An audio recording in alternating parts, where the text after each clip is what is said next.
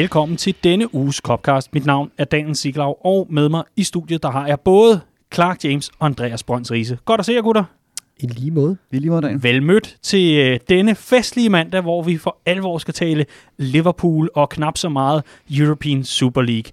Fordi et eller andet sted, så sidder man her på denne triste og lidt grå mandag og tænker, jeg kan da godt forstå, hvorfor Liverpool gerne vil være med i European Super League, for vi kan jo tydeligvis ikke finde ud af at kvalificere os til Champions League i den her sæson. Så here we are, det er mandag, og vi må jo prøve at, at dissekere opgøret øh, mod Newcastle efter, øh, jamen efter bedste evne, og så selvfølgelig se frem til et øh, Northwest Derby, som øh, vi jo normalt ville have glædet os til sådan rigtig meget, men nu der sidder man tilbage og tænker, hvad skal det, hvad skal det blive for en omgang? Ikke desto mindre, vi prøver at øh, skrue op for humøret, selvom at øh, det lige tog et par kopper kaffe og komme i gang på den her øh, lidt mystiske dag.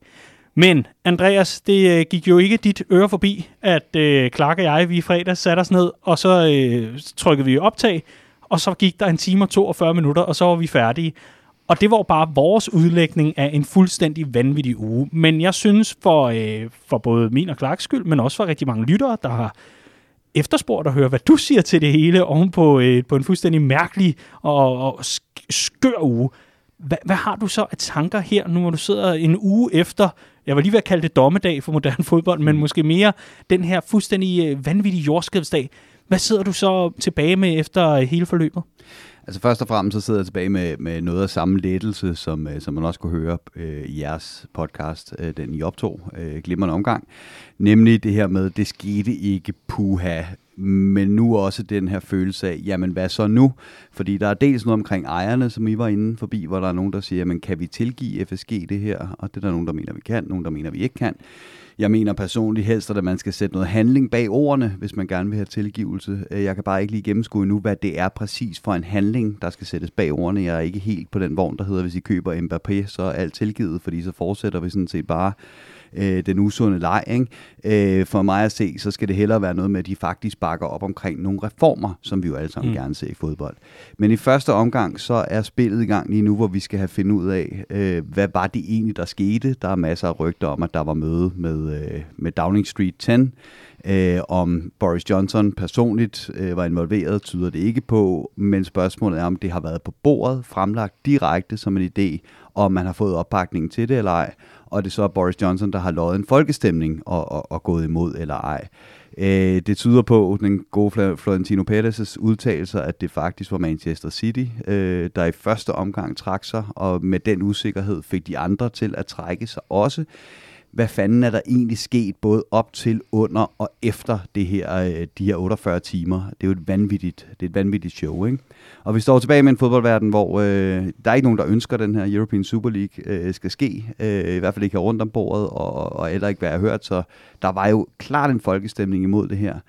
Men der er jo heller ikke nogen, der er tilfredse med fodboldverdenen, som den er. Der skal jo ske et eller andet, øh, en eller anden reform også af, af det eksisterende øh, system. Og det bliver rigtig spændende at følge det øh, det næste stykke tid, hvad, hvad der kan komme ud af det her. Ikke? Det spørgsmål, der trænger sig mest på hos mig, det er lidt, øh, man, man kan sige, det var første slag i en, en større krig, hvis vi kan kalde den det, som altså er, er, er gået i gang her, hvor det er fansene mod den store, onde, moderne fodbold.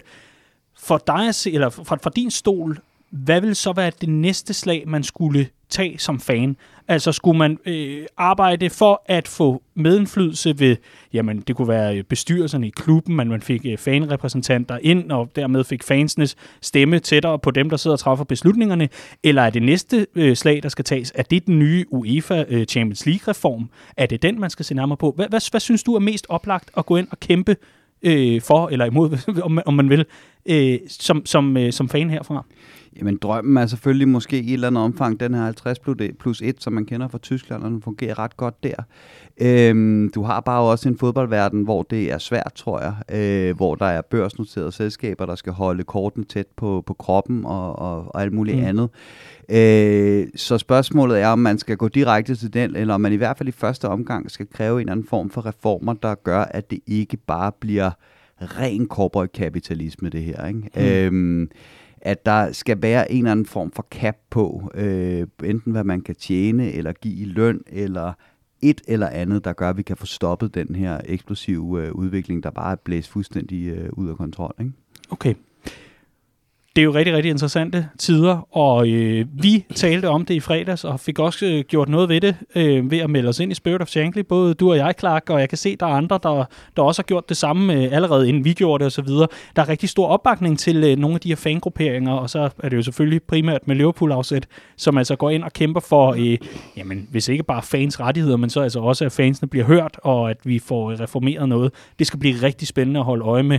Men lige for nu, der har du øh, sidste ord på den her, Riese, ja, og så skal mig, vi tale noget fodbold. Jeg melder mig nemlig også ind i, i Spirit of Shankly, fordi det er ligesom det, det, det bedste greb, man har lige nu. Men som udgangspunkt, så mener jeg jo, at vi skal have kigget på, på vores øh, institutioner generelt i UEFA og FIFA. Mm. Og problemet er, der er simpelthen så mange modsatrettede øh, øh, kulturer og interesser, alt muligt derinde. Så vi skal for fanden på en eller anden måde prøve at finde ud af, hvordan vi kan få stablet en eller anden form for internationalt øh, fodboldparlament, øh, mangel på bedre ord, øh, på benene, som vi alle sammen har tillid til og stoler på, og som har spillets bedste for øje. Men hold kæft, hvor vejen derhen lige nu synes øh, lang, synes jeg. Og men de formåede at finde de der 4 milliarder kroner på en konto nede bag sofaen, øh, som, som det viser øh, efter alt at dømme, og angiveligt øh, rent faktisk var der, øh, og, og på den måde så, øh, så, har man, øh, så har man da fået en indrømmelse ud af, af UEFA her i første omgang. Nu skal det handle om fodbold. Og det er noget, jeg har glædet mig til i et godt stykke tid, fordi vi talte om, Clark, det der med at være fedt op af alt det, der handler om, øh, mm. øh, om øh, spillet uden for banen. Lad os tale om det, der sker inde på banen. Og øh, her i weekenden, der havde vi den udsøgte fornøjelse af at kunne byde velkommen tilbage til utrolig mange af vores stamsteder rundt om i landet, i vores lokalafdelinger, hvor der altså var øh, genåbning for, øh, for fuld, øh, jamen, fuld musik, og hvor var det dog dejligt igen at bevæge sig ud og kunne sidde sammen med andre end sig selv og se fodbold. Mm. Sikke en herlig lørdag, trods alt. Jamen, det var så skønt. Og altså, jeg, jeg blev sgu ramt lidt af det i går øh, søndag, øh, da, da jeg sad sådan og stadig tykkede lidt på resultatet, og denne her øh, øh ja, klud i ansigtet, ikke? Mm. Øh, at det var sgu, øh, det, det, var, det var fandme stadig fedt at have været ude og se bold blandt øh, medfans. Så altså, det, det overtrumfede helt klart en, et sløjt resultat, at øh, den der følelse af at bare komme ud og mærke den der pre-match stemning, og lige få den første pint, og sætte sig side om side med folk, man ikke har set i adskillige måneder, og der Salah scorer, og den der følelse af ikke at juble alene, og alt det der. Jeg synes, det var, det var storartet. At kampen så var noget forbandet lort. Det, øh, det har jeg så ikke glædet mig så meget til, at vi skulle snakke om i dag, Nej. vil jeg så sige. Så blev det også mandag, ikke? Jo, det gjorde det i hvert fald på, på, rigtig, mange, øh, på rigtig mange måder. Men øh, Riese, det kan anbefales. Det der med at komme til genåbning. Du var, du var altså ikke med på poppen. Nej, jeg sprang over i, i den her omgang. Øh, havde den her, øh, har sådan en vennegruppe, øh, helt klassisk, hvor vi skal dudle fire måneder ud i fremtiden for at finde en, en lørdag, hvor alle kan. Og når den først ligger, øh, ligger fast den lørdag, så er det kun ens egen begravelse, der, der gør, at man har lov til at melde afbud øh, igen nærmest, fordi øh, ellers så, så snakker vi 2024, før det kan lade sig gøre igen. Så det var lige den lørdag, det havde kunne, øh, kunne lade sig gøre, så jeg sad og fulgte, fulgte med på, på livescore og på, øh, på tilsendte øh, højdepunkter, men fik først set hele kampen øh, søndag. Okay. Det lyder lidt som sådan en samtale mellem alle klubbejerne i de, uh, i de 12 Super League-klubber, ikke? Præcis. Hvis ikke I er der på lørdag, så er det først i 2024, vi yep. mødes igen.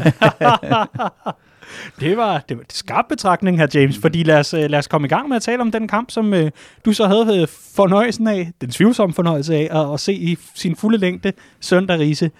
Liverpool mod Newcastle United på, uh, på Anfield, og uh, vi havde rigtig meget brug for en sejr. Vi havde rigtig meget brug for en sejr. Ovenpå en rigtig skød uge havde vi virkelig brug for den sejr til lige at få øh, løftet The Spirit, som du øh, godt kan lide at omtale den som, Clark, i, i ny og næ. Mm. Men, men det var virkelig nu, at Liverpool skulle slå til. Og det startede jo ganske udmærket. Det startede glimrende. Jeg synes egentlig, Liverpool i øh, det store hele, i hvert fald den første time eller 70 minutter, spiller en glimrende kamp. Øh, synes, vi gør det, der skal til for at slå et øh, Newcastle-hold, der stort set var sikret overlevelse allerede før kampen i Premier League. Øh, vi går ud og viser initiativ i pasningsspil. Jeg synes, vores midtbane så øh, kreativ ud for en gang skyld. Jeg synes, vi flyttede bolden hurtigt. Jeg synes, fronttrioen var øh, den helt rette balance mellem uselvisk og selvisk, når de skulle være det. Det eneste, der manglede, det var simpelthen bare, at vi kunne putte den i kassen, og jeg kan simpelthen ikke forklare, hvordan det ikke, øh, hvordan det ikke kunne lykkes at putte den, mere, eller putte den flere gange i kassen den ene gang inden pausen. Altså, øh, efter pausen af, hvad det er, man ved, når man kommer øh, til pause 1-0, ikke har forfærdelig meget tur i den, jamen så er det sådan en kamp, hvor at, så er det bare åbent, og det er bare Premier League, og, og så, så lurer den mulighed altid for, at det kan blive uafgjort. Men når jeg kigger tilbage på det chancehav, vi skaber i de første 45 minutter, jeg har aldrig set Thiago Alcantara få muligheden for at lægge så mange bolde op gennem en midtbane. Altså fuldstændig som det passede ham, skar vi Newcastle i stykker, og den kamp skulle have stået minimum 4-0 ved pausen. Ja, det, øh, det, det var Jamen, du... minimum. Altså, Ja, det var du meget højlydt Jamen, omkring. jeg, er, jeg er chokeret, Ja. simpelthen. Riese, øh, det er jo den der rigtig gode gamle traver, som man hører i sådan noget postmatch-interviews med træner og så videre. Ja, men jeg synes egentlig, vi, øh, vi, vi, vi, rammer dagen en meget godt, øh, god indsats over hele linjen, men den sidste skarphed, den manglede. Mit spørgsmål til dig det er, hvor mange gange kan man sige det i løbet af et, et, starten på et kalenderår som 2021, og så kigge på Liverpools øh, fronttrio og sige, var det det, der var i den? For hvor er det dog skuffende, at Ja. man ikke kan få omdannet de her chancer til mål. Virkelig meget, ikke? Fordi vi har i nogle perioder siddet og snakket om, at der var kampe, hvor det føltes som om, at Liverpool kunne have spillet i otte dage uden at score. Men det var altså kampe, hvor man kunne spille i otte dage uden at spille sig frem til øh, afslutninger. Præcis. Chancer, der var store nok til, at vi kunne se os selv komme på tavlen. De sidste par kampe, der har man også siddet med den der følelse af, at øh, Liverpool kunne spille i otte dage øh, uden at score nok mål. Men det er fordi, det simpelthen har været så uskarpt, ikke? at man bare for hver chance, der blev brændt, øh, har siddet og tænkt, det bliver bare ikke i dag. Vi kan bare ikke få puttet den bold i, øh, i kassen. Og det er jo decideret, øh, det er jo decideret skræmmende, at, at det er alle sammen deroppe. Ikke? Altså Mané øh, må bare ikke. Altså nu fik han scoret der mod, mod Leeds, så det var selvfølgelig sjovt at sidde der med galgenhumor og sige, lad os komme ud af den her Farmers League, hvor selv Sadio Mané kan score, fordi nøjer, det har været skidt i den her sæson. Ikke? Øh, Bobby Firmino kan ikke sparke en pool i en, i en blød hat. Øh, Shota kommer tilbage, super sub, afgør tingene mod Arsenal, og så startede den siden der, og har heller ikke lignet en, der, der for alvor havde tur i den. Og så har du Salah, der scorer sin mål, og det er jo et vanvittigt mål, han scorer mm. det her. Det er irriterende, at vi skal sidde og gøre så lidt ud af så fantastisk et mål, men det er også bare ham der ved 72 minutter, der sparker i sidenettet på, på endnu en chance, hvor at, at, at vi, vi presser Newcastle til, til fuldstændig vanvittige fejl i deres opspil nede bagfra, og vi ikke får afgjort det. Og jeg vender tilbage til noget, Clarkson sagde øh, for et par uger siden, som jeg synes passer rigtig fint på den her sæson. Det er ikke farligt at komme og spille en dårlig kamp på Anfield længere. Nej. Newcastle var elendige. Newcastle lavede absurde mængder øh, fejl i opspil. De var på stranden. De var overlevet i, i Premier League. Og det her, det var et Liverpool-hold. Det var det, jeg synes, der var mest skræmmende. Det her var et Liverpool-hold, der var tættere på topniveauet, end vi har set længe, fordi indtil afslutningen var vi faktisk gode, og det var et fuldstændig middelmodigt Newcastle-hold, og kampen blev 1-1. Helt enig. Øh, det, det eneste, jeg lige vil sige, det er, at jeg synes egentlig, at Mohamed Salah går fri af kritik. Ja, han brænder den efter 72 minutter. Men han var netop den, der allerbedst ramte den balance i den her kamp, som var det her med at være selvisk på de rette tidspunkter, uselvisk på de rette tidspunkter. Den bold, han lægger til Mané efter 28 minutter på tværs, hvor han selv kan chip målmanden egentlig, men vurderer, at der er en større chance ved at skære forsvaret fuldstændig fra hinanden og plante den foran Mané, der har frit mål stort set. Jeg er rystet over, at vi ikke scorer på sådan en chance. Jeg er rystet over, at vi kan erobre bolden i deres felt øh, tidligere i kampen, tror jeg det er, hvor at først øh, Mané får bolden, og fuldstændig panisk som en eller anden serie 3-spiller, begynder at sparke op i maven på en eller anden, i stedet for bare at trille bolden til side, mm. lige træk hver en gang, lægge den til side, og så er der altså tom mål for to medspillere, der kommer løbende på returen. Shota, der helt panisk også losser ned i jorden og forbi mål, og altså, jeg- forstår slet ikke, hvor, hvor den der sådan kynisme er blevet af, fordi en ting er, hvis det bare var den her kamp, vi sad og snakkede om, og så kan man, du ved, en gang ud af 10 ramme sådan en kamp, hvor det bare ikke fungerer, man bare ikke rammer noget, men som Risa er inde på, det, det er et tema, der har været hele forårssæsonen, og faktisk også store del af efteråret, hvor man sad og kiggede på det her Liverpool-hold, og når vi bryder i omstillingerne, det der vi havde i især øh, 17, 18, 18, 19 sæsonen, sæsonerne, det der, hvor vi bare straffede modstanderne for at lave fejl, det eksisterer ikke længere. Altså, det er passé. Det er ikke bare en formnedgang, det her. Vi er tandløse på den del. Og det er også det, der får mig til at tænke, at jeg sidder ikke sådan og tænker, som vi tidligere har gjort med, med nogle af de her nøglespillere. Nå, men det, det går lidt op og ned, og så løfter den ene for den anden og sådan noget. Der er noget her, der er kørt fast, og der skal noget udskiftning til hen over sommeren, fordi det klikker bare ikke. Michael Owen af alle, han øh, sad efterfølgende i en, øh, en en kampanalyse, og sagde, jamen øh, et af problemerne er, at øh, Sadio Mane og Mohamed Salah ikke er naturlige afslutter. Nej, det er ikke et problem. Han er jo simpelthen for fan. altså, det, Jamen, har, det, har de det bevist, det har de bevist gang på gang, at de er. Og Mané har også ramt ni- niveauer, der var højere end det her. Og en ting er så, at han måske er, er, er, gået tilbage, eller gået ned og har toppet og alt det her. Det kan vi snakke om. Fordi problemet er, når du kigger på tallene for Mané og Bobby Firmino, så leverer de ikke det, der kræves af dem. Nej, Firmino, han bliver ofte fritaget målscoring, men det er bare ikke fair, fordi han skal stadig lave sin andel af mål, og det gør han ikke. Han har lavet seks mål i alle turneringer i 43 kampe. Det er grotesk ringe. Han har lavet syv oplæg, det vil sige, at han er på 13 målinvolveringer i alt. Det er 30 færre, end han havde i 17-18 sæsonen. 30 mål! Og hans rolle er ikke skiftet siden den sæson. Jo, i sådan en kamp som den her spiller han 10'er, men han har ofte spillet 9'er for os stadigvæk. En mand som Sadio Mane, altså hans conversion rate, hans, hans, hans konverteringsrate på hans chancer, er faldet med noget, der ligner 12 eller 15 procent i forhold til hans gennemsnitlige niveau. Det er der problemet ligger, når vi kigger på fronttriven. Det er ikke i Mohamed Salah. Jeg ved godt, at ja, han kunne godt have gjort det bedre i den her kamp også. Men når vi gør det op over tid, så er det ikke Mohamed Salah. Han scorer de mål, som han skal, som Riese også siger. Det er de to andre, der ikke løfter den opgave, og det er også det, der får mig til at tænke, det er fint nok, at en falder lidt i perioder, men når to gør det over så lang en periode, så må vi simpelthen begynde at kigge på dynamikkerne. Altså, jeg synes, der er en, der er en, en halvvejs point i det. Jeg er sådan set enig med Clark, men der er en halvvejs point i det, og det har vi snakket om masser af gange. Det her med, at Mohamed Salah er en kvantitetsmerchant, ikke en kvalitetsmerchant, mm. når det kommer til afslutninger. Han har altid skulle bruge masser af afslutninger Bestemt. til sine mål, og så har han nogle perioder, hvor han er knivskarp, og så scorer han som i debutsæsonen 67.000 mål på fire kampe. Det er helt vildt. Øh, og så er der Det var helt vildt. det er helt vildt, ikke? Og så har en sæson som den her, hvor bevares, ja, ja, fint nok, han har nu scoret 20 mål igen, og det er meget sjældent, at en angriber gør det to, tre kampe i streg, skide godt og fremragende, og, og det viser, at der er et bundniveau derinde, som er, som er højere end hos de andre, når det kommer til, til skarphed i, øh, i afslutningerne. Det er så også ham, øh, angrebsspillet i den grad er bygget op omkring, Ja, skal det. til afslutning, så, så, så det er ligesom, hvad det er. Men jeg synes, der er en, en ret sjov pointe i det her med, at øhm, i sidste sæson og forrige sæson, der var der meget snak om XG, øh, og, og det her med, at XG udligner sig over tid. Og Liverpool faktisk outperformede XG, overpræsterede i forhold til XG, ganske, øh, ganske markant i visse perioder. Undtagen, når Liverpool de sidste 20 minutter havde brug for et mål.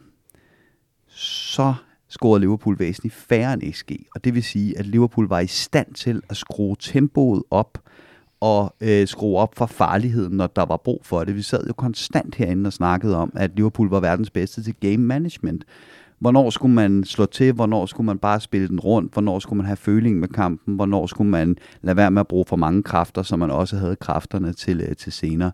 Nu ser vi Liverpool underpræstere helt vildt på XG i øjeblikket. Helt vildt. Altså det Og er slet ikke, Det er til 10 ej, mål, ikke? slet ikke eye game management. Præcis. Fuldstændig. Mm. Der er ingen game management, fordi ideen er, at nu er det øh, Newcastle, der ikke bare når frem til afslutningen øh, af kampen, hvor de er bagud med en, som så mange andre på Anfield, og bare skal vente på, at de personlige fejl begynder at melde sig, fordi man er blevet mere og mere nervøs, efter man ikke har fået afgjort den her kamp, og de får Gud hjælpe med held til det, ikke bare én gang, hvor de får frataget et mål på grund af øh, en hånd på bolden, som selvfølgelig er der og render mig i røven, og den, det, det, øh, ifølge reglerne skal den selvfølgelig dømmes.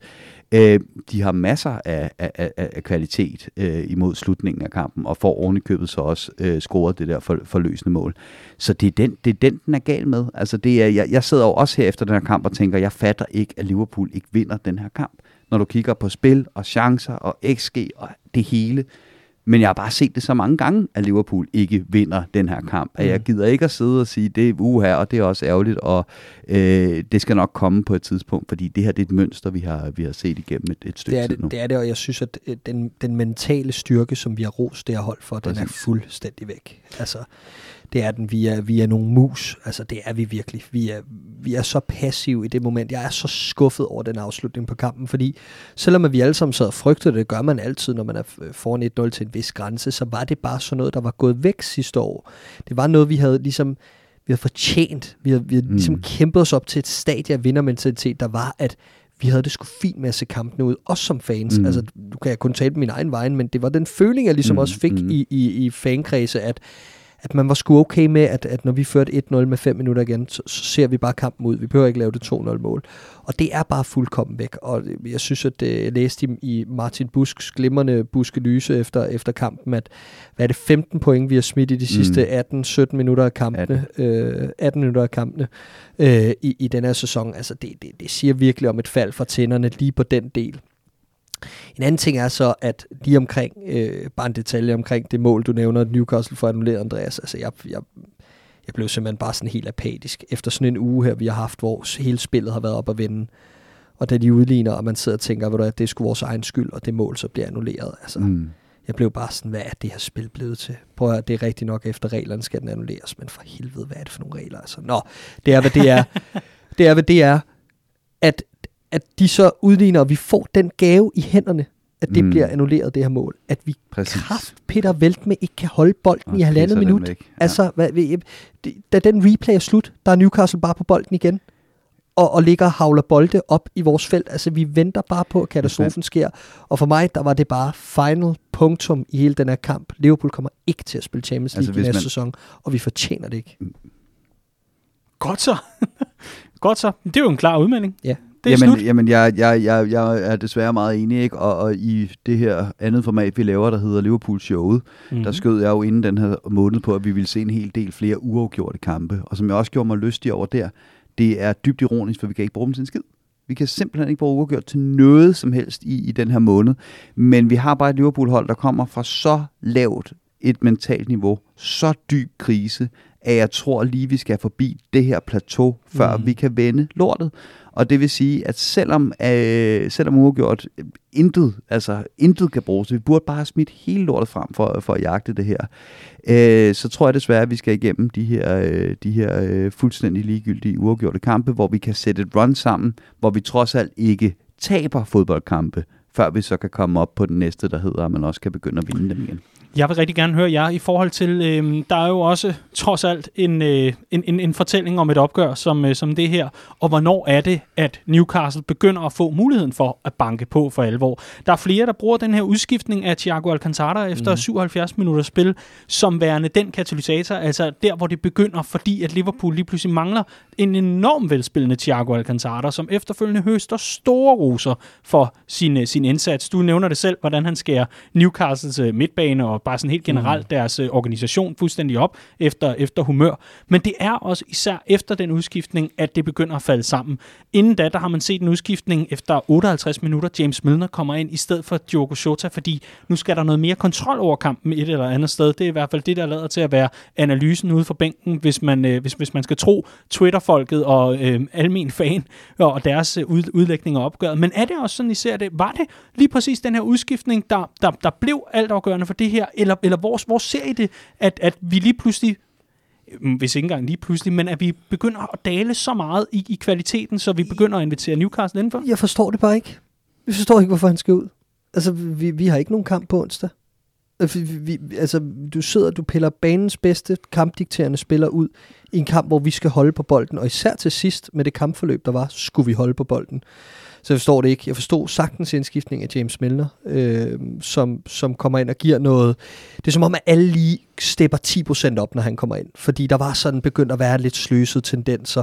Bobby Firmino smider nogle dumme bolde på midten. Øh, vi begynder sådan at, at, at vade lidt i den og, og være sådan lidt, lidt sløset. Ikke? Der kan du godt mærke, når der kommer sådan en leder som Milner ind, det er også alarmerende i sig selv, at vi er nødt til at kalde på ham for at kunne koncentrere os. Ikke? Men, øh, men, men så er det som om, du kan mærke, at alle er lige lidt på tæerne, fordi nu kommer far lige ind og, og, og siger, hvad der skal ske. Ikke? Øh, så, så, så den var jeg egentlig jublende lykkelig over, at vi på en eller anden måde går lidt længere, eller vi, vi tager i hvert fald mere defensive spillere ind, en mere organisationsspiller, om man vil, for en mand mm. som Shorter, der ikke havde ramt dagen. Du kunne lige så godt have pillet Firmino, du kunne lige så godt have pillet Mané i, eller på det tidspunkt, men det var egentlig fint nok. Men den, den udskiftning af Thiago, man sad sådan lidt og tænkte, nu, nu, nu bevæger vi os lidt i en retning, som man ikke rigtig kan lide. Ikke? Fordi nu er det som om, vi tager foden af, af gaspedalen, og det skal vi ikke i sådan en kamp. Vi skulle netop, som Klopp så tit snakker om i sådan nogle situationer her, når vi, når vi brænder en chance, så klø på. Og det, jeg synes bare, at vi har mistet lidt føling med det der, hvornår at vi skal, altså hvornår vi ligesom skal, skal, skal slippe speederen og trykke på den, og, og det, det, var bare, det var bare sådan et, øh, en understregning af, at vi er kommet væk fra det der med at kunne styre kampene, både fra bænken og inde på banen. Riese, kunne vi have styret kampen bedre i øh, slutfasen, og måske i anden halvleg, hvis øh, Fabinho ikke skulle have spillet centerback, for det er jo også et af de overordnede temaer efter øh, opgøret, nu hvor Nat Phillips ikke var med. Jamen både over, fordi jeg synes egentlig, det fungerede ret godt, øh, det her med den her Thomas midtbane med Gini Wijnaldum og, øh, og, øh, og, og Thiago. Et makkerpar, vi har været en hel del efter i, i, i den her sæson. Mig især. Men øh, på den her Thomas midtbane, øh, som Thiago kender fra Bayern München, altså det, det system, han kommer fra øh, i sin tidligere klub, og med fire mand foran sig og sigte efter, der synes jeg virkelig, at han, han lignede en, der spillede med mere sikkerhed i, øh, i spillet, end han har gjort, øh, end han har gjort længe.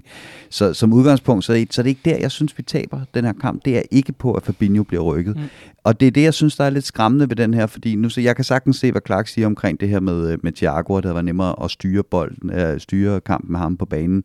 Øh, men det er, jo ikke, det er jo ikke som sådan en defensiv indskiftning at smide Curtis Jones ind i stedet for det, så fordi man gerne vil have noget mere power, noget mere fysik at stå imod med.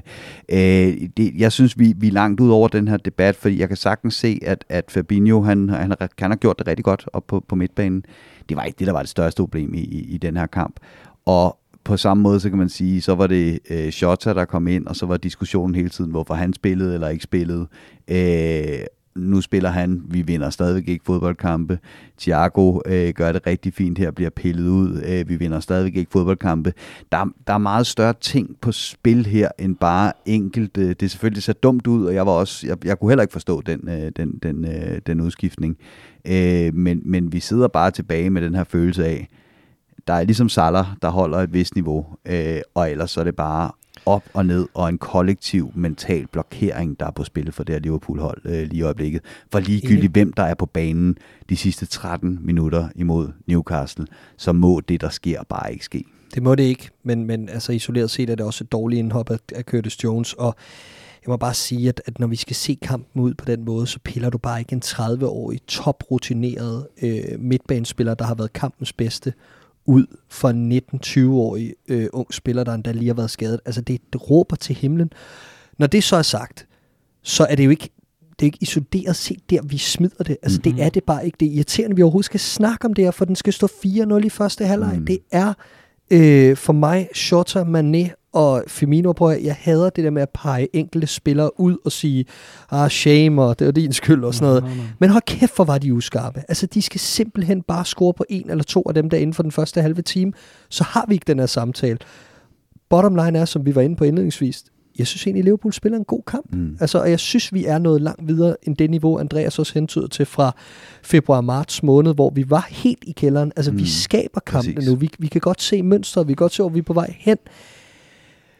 Men det gør det bare endnu mere frustrerende, at vi så ikke bare kan putte den i kassen bare en enkelt gang eller to, og især når der er frit mål. Ikke? Så altså. vi er mindre dårlige, end vi plejer at være. Er det der, vi, vi er mindre dårlige, end vi plejer at være, men vi er stadigvæk bare der, hvor, hvad var det, i, vi, vi havde en periode engang, hvor vi snakkede om, at Liverpool skulle have en buffer på to-tre stykker, for at være sikker på at vinde en fodboldkamp, mm. når der gik gummiben i den. Mm. Og det er bare lidt det, vi er tilbage til. Mm. Fordi et eller andet sted, så hvem fanden der indstår på den midtbane, mod slutningen af kampen, der bliver den bare banket altså op gennem banen, langt op imod deres angriber, og så blev det farligt. Altså mm. det, det er situationer, der simpelthen ikke må blive farlige, hvis man har et, et, øh, et dominerende centerbarmarkerpar med, selv, med selvtillid. Øh, og det har vi bare ikke i øjeblikket. Og det er det, der, det, der er problemet, det er, at, at, og det er derfor, jeg sidder lidt nu her og siger, jeg kan sagtens se det dumme i den indskiftning, men jeg har også bare set Liverpool tabe den her kamp på tusind forskellige måder mm. i den her sæson. Okay. For det handler grundlæggende bare om for de andre, bliv i kampen, stay in the game, og når der så er 10 minutter igen, så se Liverpools gummiben melde sig kollektivt øh, på det her hold,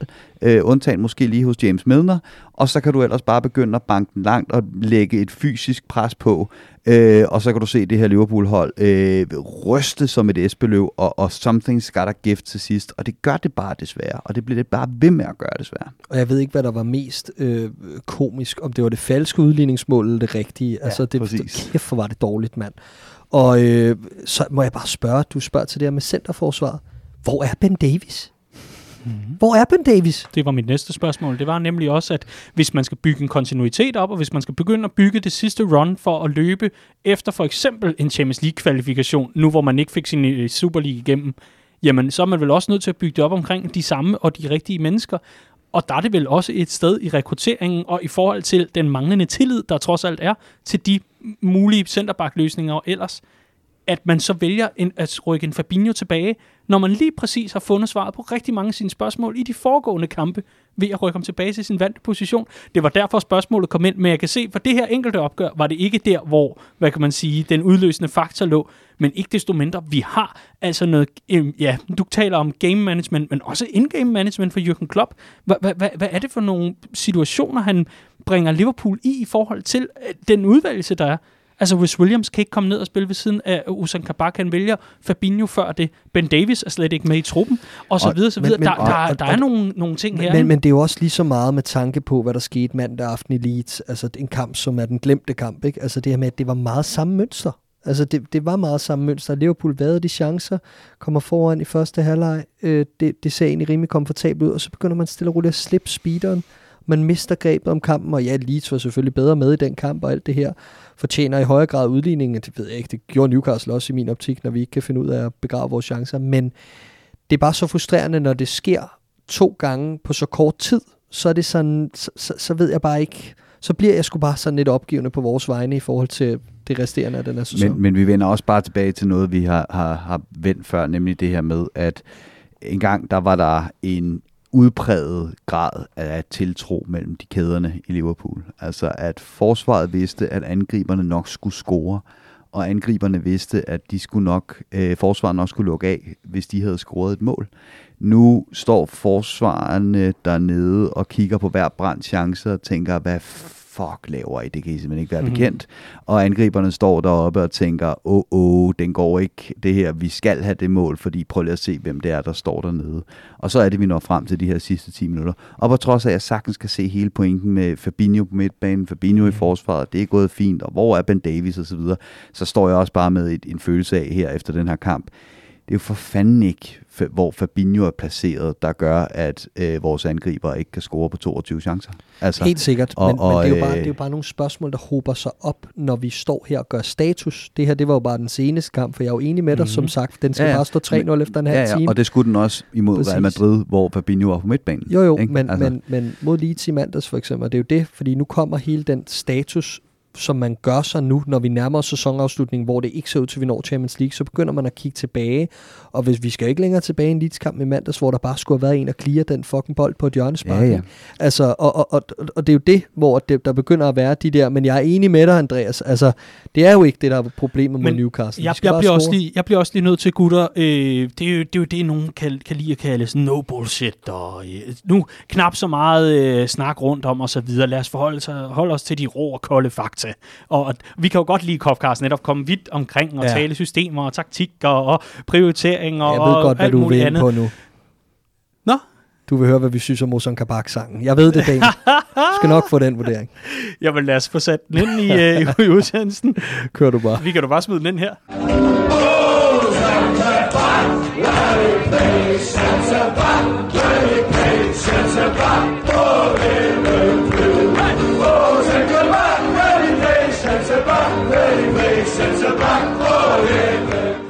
Kæft, hvor er den klasse, altså.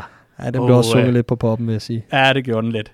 Vi, vi, vi, vi, vi sang, og så... Nå nej, det må man ikke. Ja. Og så sang vi lidt alligevel. Ja, sang vi smug. Men gutter, øh, rå og kolde fakta nu, hvor du kom med og, og ødelagde opbygningen til det. Du nævner det selv i øh, datahjørnet, artiklen, du skrev med Christian Rønshold for, øh, for den her uge. Liverpool har kun sikret sig 5 point ud af 27 mulige på Anfield i det her kalenderår, altså 2021. Vi står med muligheden for, i forhold til slutprogrammet, stod vi langt mere, øh, altså langt bedre stillet end mange andre i forhold til de modstandere, vi skal møde, og i det hele taget har mødt, på vejen mod at få afsluttet sæsonen. Altså, den almene fan, der sidder tilbage og tænker, det her Liverpool-hold, det var altså dem, der stod og løftede til lyden af Coldplay i juli måned, mesterskabstrofæet. Hvad fanden foregår der? Og der er måske også en enkelt eller to, og det har jeg altså spottet, der siger, jamen, er, er det Klopp, der skal føre det videre? Fordi det er jo åbenbart ikke, altså, der er jo masser af chancer og alt muligt andet. Det mentale, hvem er det så, der skal stå i spidsen for det, og så videre. Det er ikke det, jeg sidder og siger, men jeg sidder trods alt bare og kaster den op i luften og siger, jamen, hvor, hvor fanden er vi henne? Prøv at tænke, det var det hold, vi brokkede os over og spillede uafgjort med Burnley tilbage i juli, fordi, åh oh, nej, nu kunne vi ikke vinde 100% af vores hjemmekampe, ja. selvom vi er mestre. Jesus det det. Christ. Men ikke desto mindre, vi, vi, hvis vi står tilbage med en usel afslutning på sæsonen. Altså virkelig, virkelig, virkelig hæslige fire måneder, vi har været igennem på resultatfronten.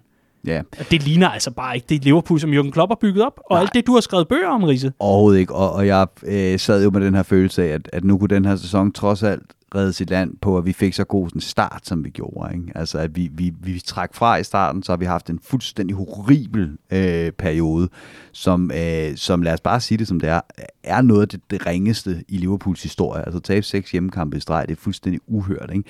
Men øh, hvis vi ligesom kunne komme igennem den, fair nok, mesterskabet er rådet, Øh, men så ser man gerne de her rutinerede tophold sige, okay, fair nok, nu lugter vi savsmuld, nu får vi lige reddet den her øh, fjerdeplads øh, i land. Og det var det, jeg håbede og troede på, at vi kunne se fra det her øh, Liverpool-hold. Der er vi bare ikke nu. Der er vi simpelthen bare ikke øh, endnu. Jeg tror også, at, at top 4 bliver meget, meget svært.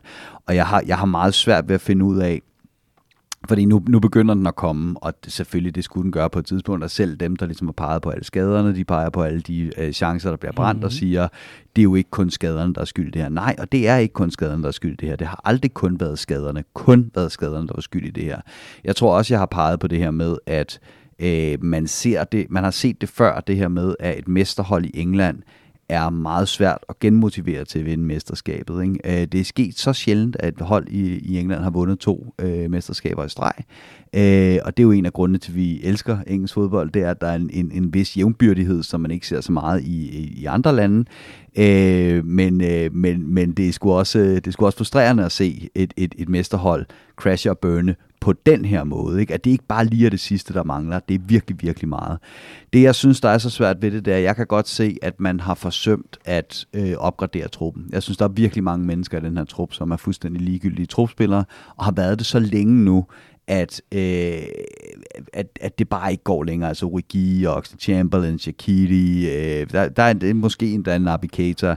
Øh, der er simpelthen, de kan ikke presse førsteholdsspillerne øh, til at tro, at deres, øh, at deres plads er, øh, er, er troet. Og det er klart, det skulle og alt muligt andet burde vi have gjort noget ved. Så på den måde kan jeg godt sammenligne det med noget, jeg har set før, i det jeg kan sammenligne det med tidligere tiders mesterhold, der har haft meget svært ved at bygge øh, ja. videre på den succes. Men på den anden side sidder jeg jo også med den her følelse af, det er bare usammenligneligt. Det er bare skidesvært det her med at sige, øh, fordi man har jo lyst til at sige selv helt lort at starte forfra. Altså, fordi jeg kan, hvad, hvad kan man pege på? Salah scorer sin mål. Øh, øh, øh, Allison er vel også okay, og så måske Trent og Robbo, ikke? og så ellers så lad os starte forfra. Ikke? Øh, og og, og det, det skal vi jo heller ikke. Og det er det, jeg synes, der er så svært ved den her, det er, at det er så ekstraordinær en sæson, så ekstraordinære faktorer, der er på spil, at jeg har svært ved at pege på dem her og sige, nu er du gået i stå, nu skal du afsted. Øhm, er, er vi simpelthen blevet lullet lidt i søvn? Altså forstået på den måde, men også som fans i forhold til vores opfattelse af projektet og hvor vi er og så videre. Altså fordi vi, vi, vi kan tale nok så meget om de nuancer og de ekstra ting, vi skal tage højde Jamen, for, og det er meget, meget ekstraordinært, og man har altså aldrig haft øh, pandemi i nyere tid, hvor man skulle dirigere udenom det og skades helvede og så videre. Men ikke desto mindre, altså man vader i chancer, der er muligheder. Altså er, er vi blevet lullet lidt i søvn? Altså er, er det fordi, at alle andre kan se sandheden, og vi bare står og, og mm. er tilbage i den der fairy tale fortælling om, at det, jamen, det, det hele skal nok gå, og det er jo, det er jo Liverpool for pokker. Nej, men jeg tror, der er noget erkendelse i også at sige, at fejlen skete for et stykke tid siden, da vi alle sammen, øh, jeg ved ikke, om vi var ukritiske i den retning, men da vi i hvert fald var sådan øh, fuld af tillid til Klopp og Edwards og dem, der nu engang stod for rekruttering og sådan noget, da vi vinder Champions League, og vi ikke forstærker truppen, jamen der springer vi et led over, som vi nu betaler prisen for, som jeg ser det. Fordi nu står mm. vi nemlig med regningen, som er en række brede spillere, der skulle ind og hjælpe truppen nu, som er tyndsligt efter et hårdt år sidste år, og et år nu, hvor der skal trækkes ekstra veksler, fordi at kampene ligger tættere, og et år med fans, der ikke er på stadion, og du har ikke det boost fra Anfield og sådan noget, så har du i den grad brug for noget andet. Du ser jo, hvorfor City de excellerer på den måde. Det er fordi, de har en ekstrem bred trup, og der er bare ro på. Der er noget andet, der spiller ind nu. Det er bare rå kvalitet du har ikke den x-faktor fra, at det er svært at spille på udebane derovre. Alle de der sådan ting, der gør sporten mere uregelmæssig og sådan nogle ting. Og det tror jeg bare, vi betaler en rigtig stor pris for sammenlagt med alt det andet skadeskrise og så videre.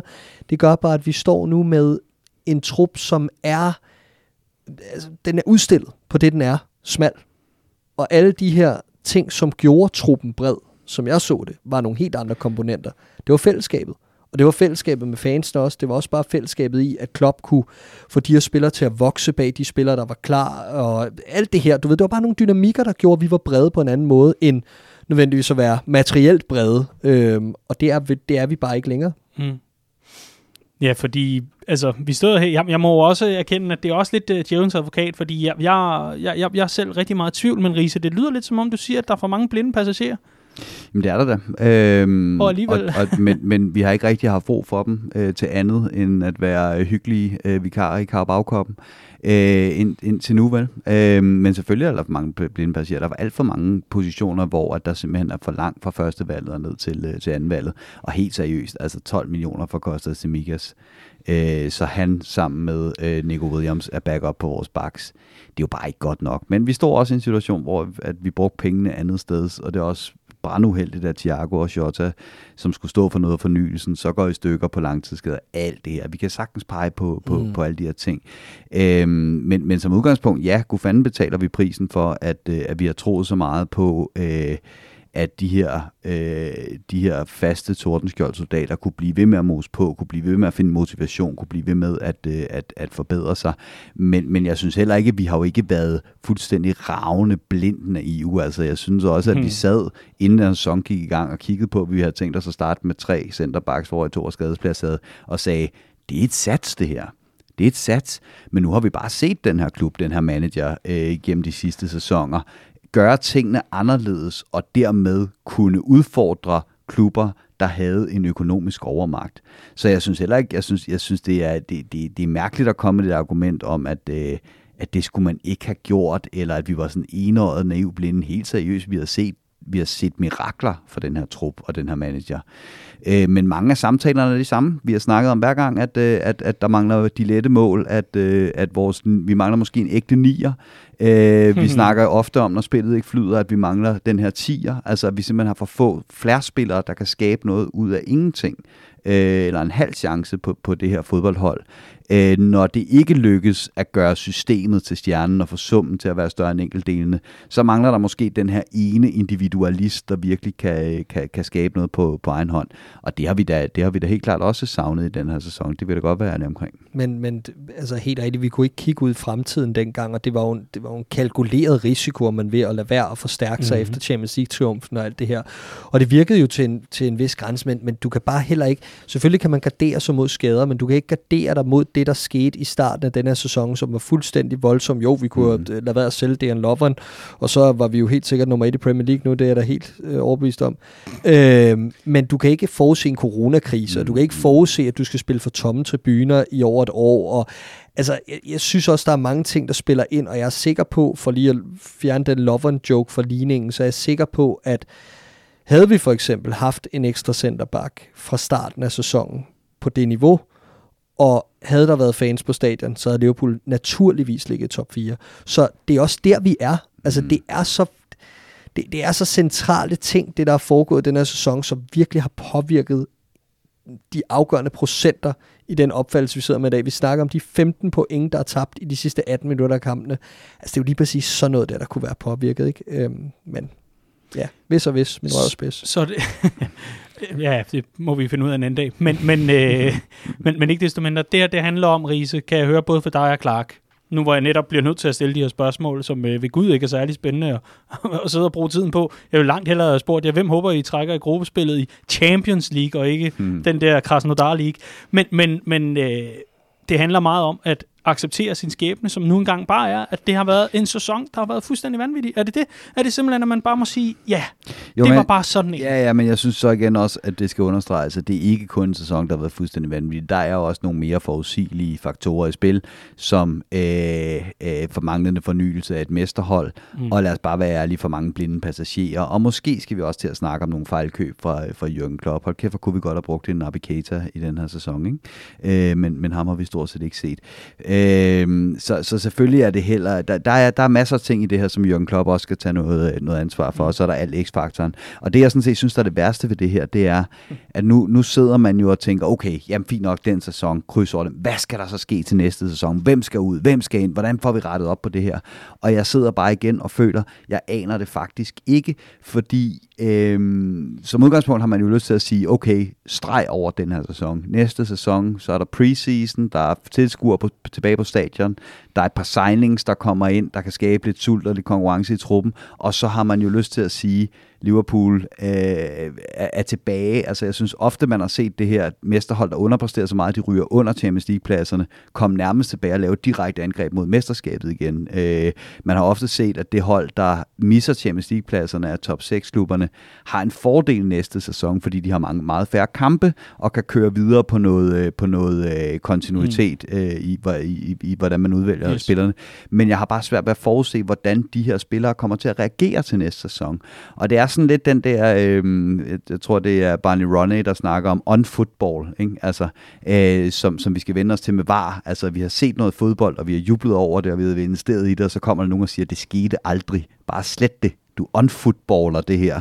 og det er sådan igen, hvor jeg så, kan man unfootballe den her sæson? Altså, der står nogle, nogle spillere i den her spillertrup, øh, som skal til at stole på hinanden igen, som skal opbygge et eller andet projekt sammen igen, og, og, og er, der sket, er der sket skade på relationerne imellem spillerne i den, her, øh, så, i den her trup, eller mellem spillere og trænere, så kan du ikke bare slette det, fordi det var en mærkelig sæson. Det er sket, og det må vi forholde os til, men jeg aner ikke, hvad svaret er på det spørgsmål. Men jeg kan fortælle dig, at svaret er, at det er derfor, vi har brug for Jürgen Klopp stadigvæk. Fordi hvis der er nogen, der kan samle de stumper, der end måtte være efter sådan en sæson, hvor at man er blevet flået fra hinanden, vindermentaliteten er, er, er knust, øh, øh, der kigger skævt til, til, til hver andre og alt det her.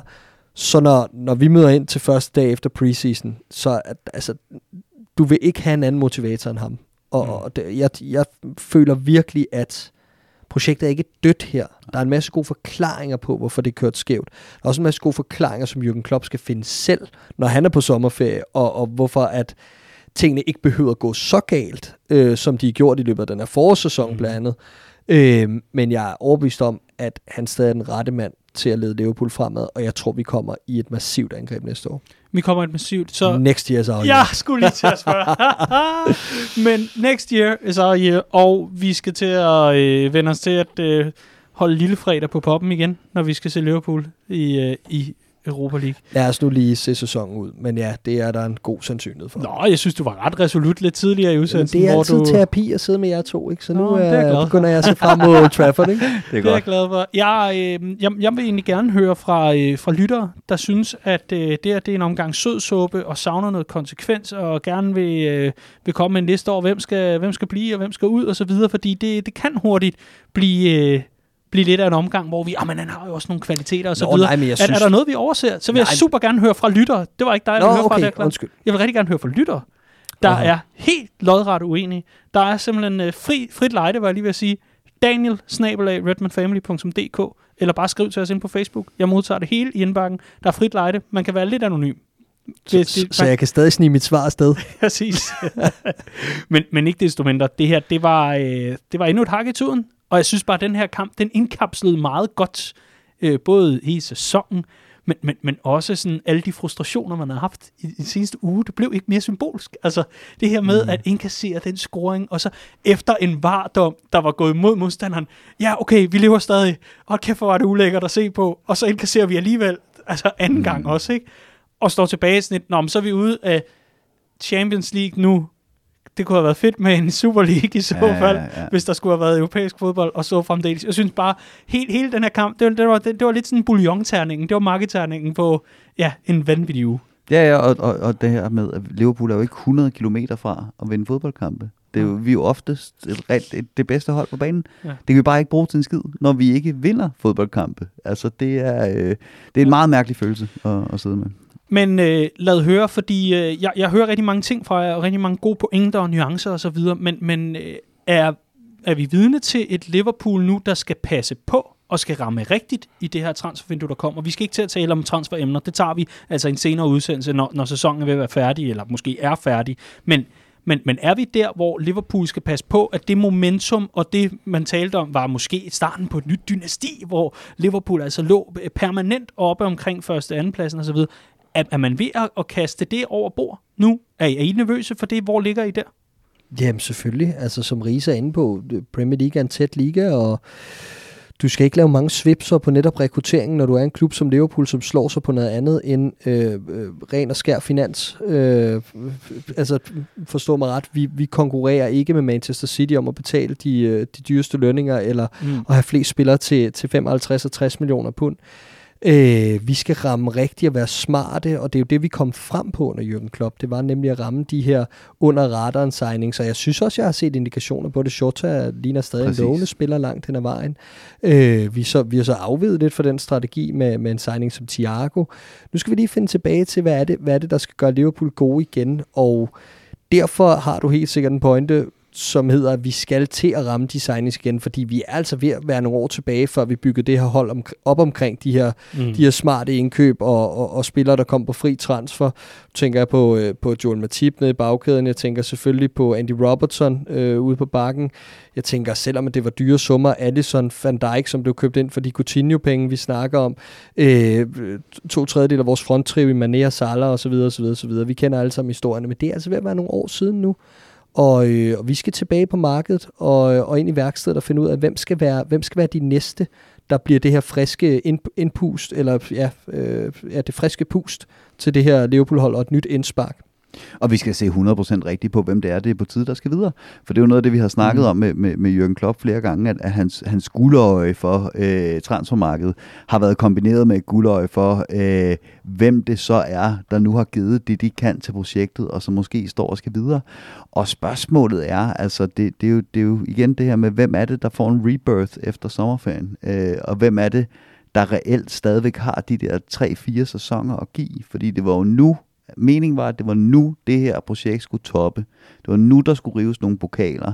Og så kunne man begynde gradvist at lave generationsskiftet, der så skulle, øh, skulle træde fuld flor-effekt om en 2, 3, 4 år. Og det er bare svært at planlægge generationsskifte i fodbold. Det er en, en af de sværeste opgaver, man overhovedet kan sætte sig selv på. Så der er ikke nogen garantier for, at det ville lykkes. Men det, det man jo er begyndt at stille sig selv spørgsmål om nu her, det er, at er det på tide med et reelt generationsskifte og jeg, allerede der nu. Tænker du også nogle af dem i fronttriven. Fuldstændig. Jamen, der tænker alle tre hvem er, øh, i fronttriven. Hvem er mest oplagt? At skifte ud? Mm. Jamen, det synes jeg jo stadigvæk, at en, en, en Bobby Firmino er. Men, men jeg synes også bare, at det er svært, fordi du kan hurtigt stå og få brug for en Bobby Firmino, som ikke nødvendigvis mm. skal være fast starter i, i Liverpool. Og det er også derfor, jeg siger, jeg har ikke svarene på det her, fordi jeg vil ønske, at jeg vidste, hvordan de her spillere reagerede på, at den her sæson sluttede, fik en preseason, fik noget pause, alt muligt andet. Det aner jeg bare ikke. Jeg ved bare, hvilke fantastiske fodboldspillere de har været før, og jeg har tidligere set fuldstændig fantastiske fodboldspillere gå i stå i en klub fuldstændig og skulle have brug for luftforandring. Jeg aner ikke, øh, hvem af de her øh, spillere, der har brug for det, og hvad tilfældet er med hver af dem. Men igen, det er sådan noget, som Jørgen Klopp tidligere har vist, at han har et fremragende guldøje for, for at gennemskue, hvem der har motivationen, og hvem der, hvem der ikke har. Det håber jeg virkelig er intakt, for vi får brug for det mere til sommer, end vi har gjort nogensinde før i hans regeringstid i Liverpool. Og sådan gik det til, at øh, vi her i Copcast fik talt en hel halvleg, simpelthen 45 minutter, om, øh, om en kamp, og så alligevel overhovedet ikke. Det, øh, det er jo det, der sker, når man øh, prøver at tilrettelægge noget, og øh, så ender det alligevel med en øh, super givende, nuanceret og spændende snak, som jeg glæder mig til at følge op på i næste uge, øh, hvor vi øh, forhåbentlig kan tale om en, øh, en sejr over Manchester United. Vi kommer til optakten lige om lidt, men ikke desto mindre, vi øh, vil rigtig gerne høre fra, fra lyttere, der har, har noget at byde ind med i forhold til, øh, jamen, hvad skal der ske? Hvad forestiller I jer? Hvad synes I? Daniel at snabelag, det hedder det ikke, Daniel snabelag redmanfamily.dk, eller bare skriv til Copcast-siden. Det kan man øh, både gøre på, øh, på ja, Twitter og på Facebook og alt muligt andet. Men det var simpelthen vores snak om, øh, om Newcastle-kampen. Nu øh, skynder vi os simpelthen videre over til øh, Bella og Birdies, og i direkte forlængelse af det, optag til hadets opgør mod Ole Gunnar og de røde djævle Manchester United. Så er det blevet tid til Bella og Birdies, og vi nærmer os snart det, øh, det tidspunkt, hvor øh, vi skal til at trække lod igen om en øh, Copcast Cup. Så øh, tusind tak til jer, der byder ind med Bella og Birdies. Det kunne jo være, at det bliver jeres tur til at vinde en kop. Og den er super eksklusiv. Den er simpelthen ikke i salg. Og øh, dem, der øh, får fingrene i sådan en, skal altså stadigvæk huske at vaske den op i hånden. Så, øh, så er tippet altså igen blevet sendt afsted. Jeg kan, jeg kan se på øh, de glade modtagere og venner, at, at de er flittige derhjemme og passer på, og er meget, meget skånsomme over for dette stykke unikke keramik. Så øh, lad, os, øh, lad os se, hvem der har budt ind i den her uge. Men inden da, lad os få et par øh, birdies fra øh, de her. Vi starter med dig, Andreas Brøns Riese. Denne uges birdie, hvad er det? Øh, jamen, jeg synes, det er, det er svært at komme udenom afslutningen på den her Newcastle-kamp, fordi det, det, øh, vi har jo prøvet at holde øh, håb, øh, liv i håbet om det her med, at vi stadig kunne nå det her push og det her øh, run imod, øh, imod top 4. Øh, og jeg synes, at både mod øh, Leeds og mod Newcastle er vi egentlig tæt nok på at vinde de der kampe. Det, det er den slags momentum, man bare lige har brug for at få imod, i, i de sidste kampe her. Og især at få mod de her hold, som er på stranden. Ikke? Altså det, det, det er så få marginaler, der skal til, før Liverpool scorer det andet mål, og scorer man først det andet mål mod sådan et hold, der ikke har mere, de kan nå, så kommer de ikke tilbage og scorer det der øh, mål i overtiden. Det gør vi simpelthen bare ikke. Så, så det er lidt den der klassiker med, at, øh, at den mest fæsende måde at tabe noget på, det er sgu da ved at spille uafgjort, eller for mange uafgjort. Ikke? Øh, det snakkede man også om, at vi gjorde der i, øh, i 18-19-sæsonen, tabte mesterskabet på for mange uafgjort i januar og februar. Og hold kæft en fesen måde at tabe ting på. Og det samme her, altså havde det nu for fanden bare været en all-out guns blazing, men at, at begynde at, at smide ting på gulvet ved at spille, uh, spille 1-1 mod Leeds og Newcastle, det er fandme en birdie. Ja, hvad er din birdie, Clark? Sadio Mane. Øh, jeg har været efter ham før, og det er jeg nødt til at være igen. jeg skulle lige til at spørge, er det en genudsendelse? Ja, jeg, jeg, jeg, nu er det blevet sådan en stedig ting for mig, indtil han tager sig lidt sammen. Øh, og øh, jeg, jeg må bare sige, at, at en spiller, der kommer fra at have været så meget, altså jeg, jeg havde så meget tvivl omkring, om han kunne tage det sidste skridt op, da han ligesom leverede en god start i Liverpool-trøjen, og efter den der halvanden sæson i Liverpool, der tænkte jeg, kan han tage det skridt op og blive verdensklasse? Jeg troede det ikke helt, for jeg synes, der var for mange udfald og så videre. Og så leverer han efterfølgende så god halvanden sæson, hvor han går helt op og bliver blandt de allerbedste i verden på sin position. Og så var jeg sådan, ved du hvad, det er sgu en udvikling. Det er ikke en eller anden, mm. øh, det er ikke et formudsving den anden vej.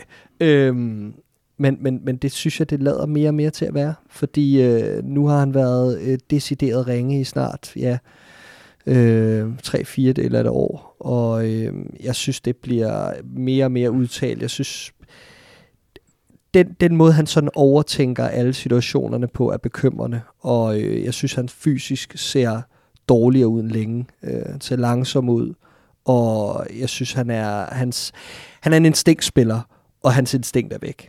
Mm. Godt så. Jamen, så fik vi åbnet ballet for øh, det negative den her uge. Vi, øh, vi har rigtig mange, der byder ind med, at vi simpelthen brænder for mange chancer og scorer for lidt. Lad mig sige, det kan godt være sådan en overordnet birdie fra Copcast-holdet i den her uge, sammen med noget Mané. Men ellers så har vi altså også øh, øh på resultatfronten jo Nora Mørk Rysager, der skriver Birdie, at Liverpool med al sandsynlighed skal spille Europa League i næste sæson.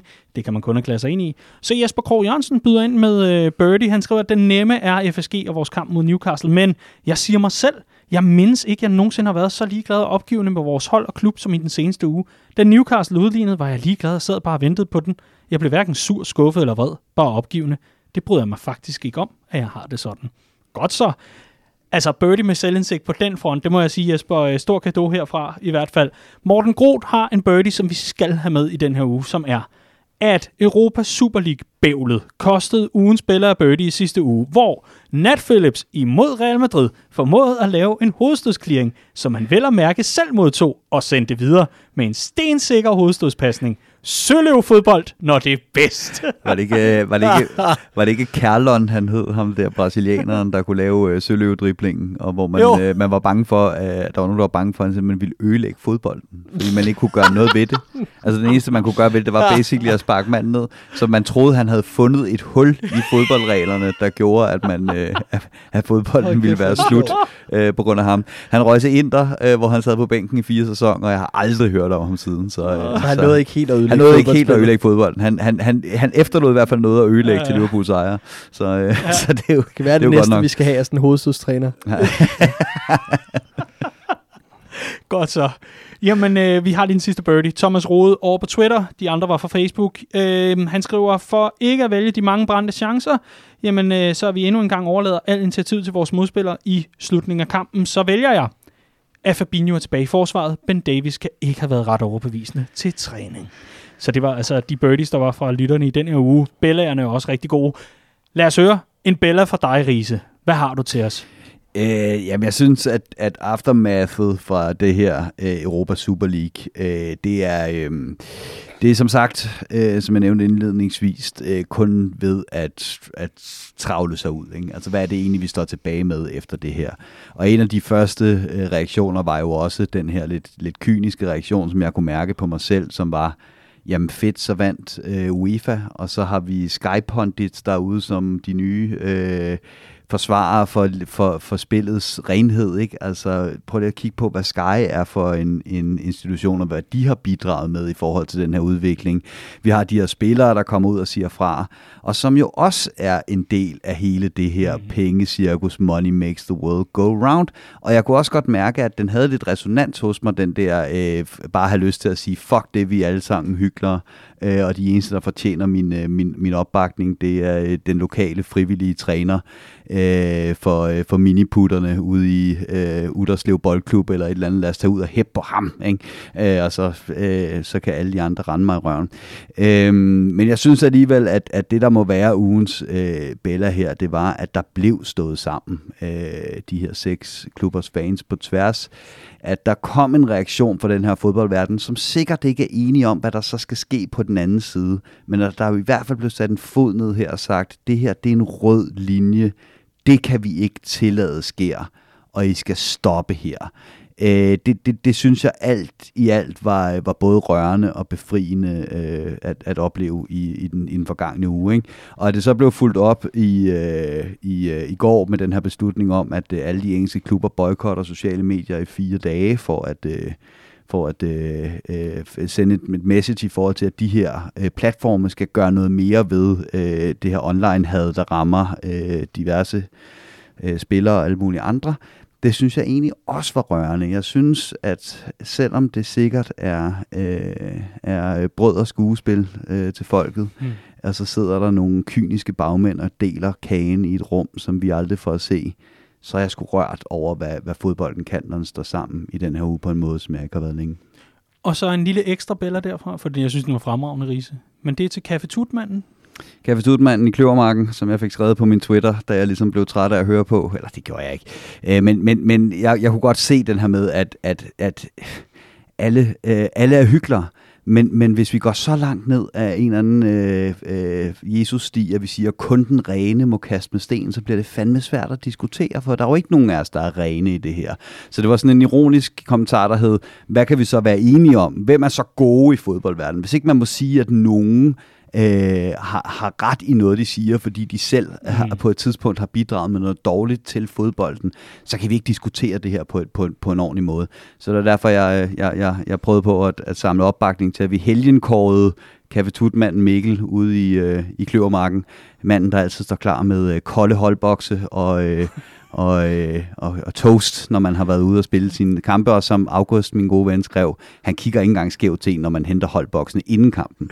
øh, så, så, så Kapitutmand Mikkel fra, øh, fra, fra Kløvermarken yes. er, øh, er det eneste, den eneste rene i fodboldens verden. ja. Kom og red os, Mikkel. Du, ja.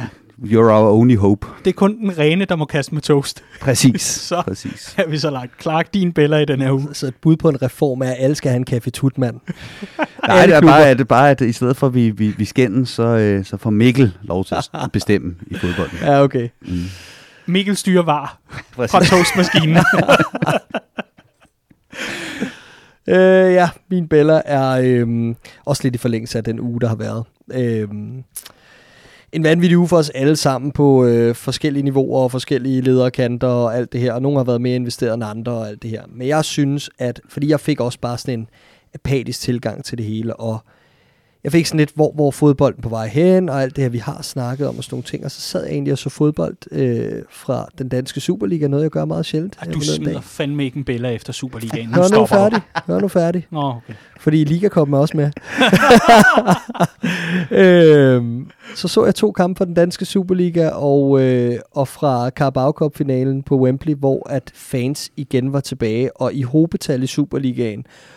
Og hold kæft, hvor har jeg savnet det spil, der er på banen, når Mm. mm. der bare er et samspil med det, der foregår på lægterne. Altså langt mere end alle de floskler, vi fyrer afsted uge efter uge med.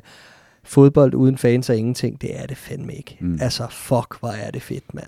Prøv at høre, alle var overtændt i de Superliga-kampe. Mm. Mm. Dommere, Mm, mm. øh, mm, mm. mm. spillere, trænere på bænken, øh, folk på lægterne. Jamen prøv at hold kæft, hvor jeg glæder mig til, at det kommer tilbage til Anfield og til Premier League. Mm. Og det var bare en timely reminder. Altså, så vigtig reminder at få lige i de her dage, hvor det var allermest sådan op og boble, det der med, at hvad er det, man bruger sin tid på? Mhm. Mm-hmm. Øh, så synes jeg bare, at det var, det var virkelig, virkelig vigtigt lige at få ind under huden, fordi det gav mig sådan en, okay, nu kan jeg godt se lyset for enden af den her lortesæson, Ja, jamen, og, og, og glæde mig til den nye sæson. Det, det er som, som Zane, som skrev ind, øh, sætter ord på noget, som faktisk er ret modigt, synes jeg.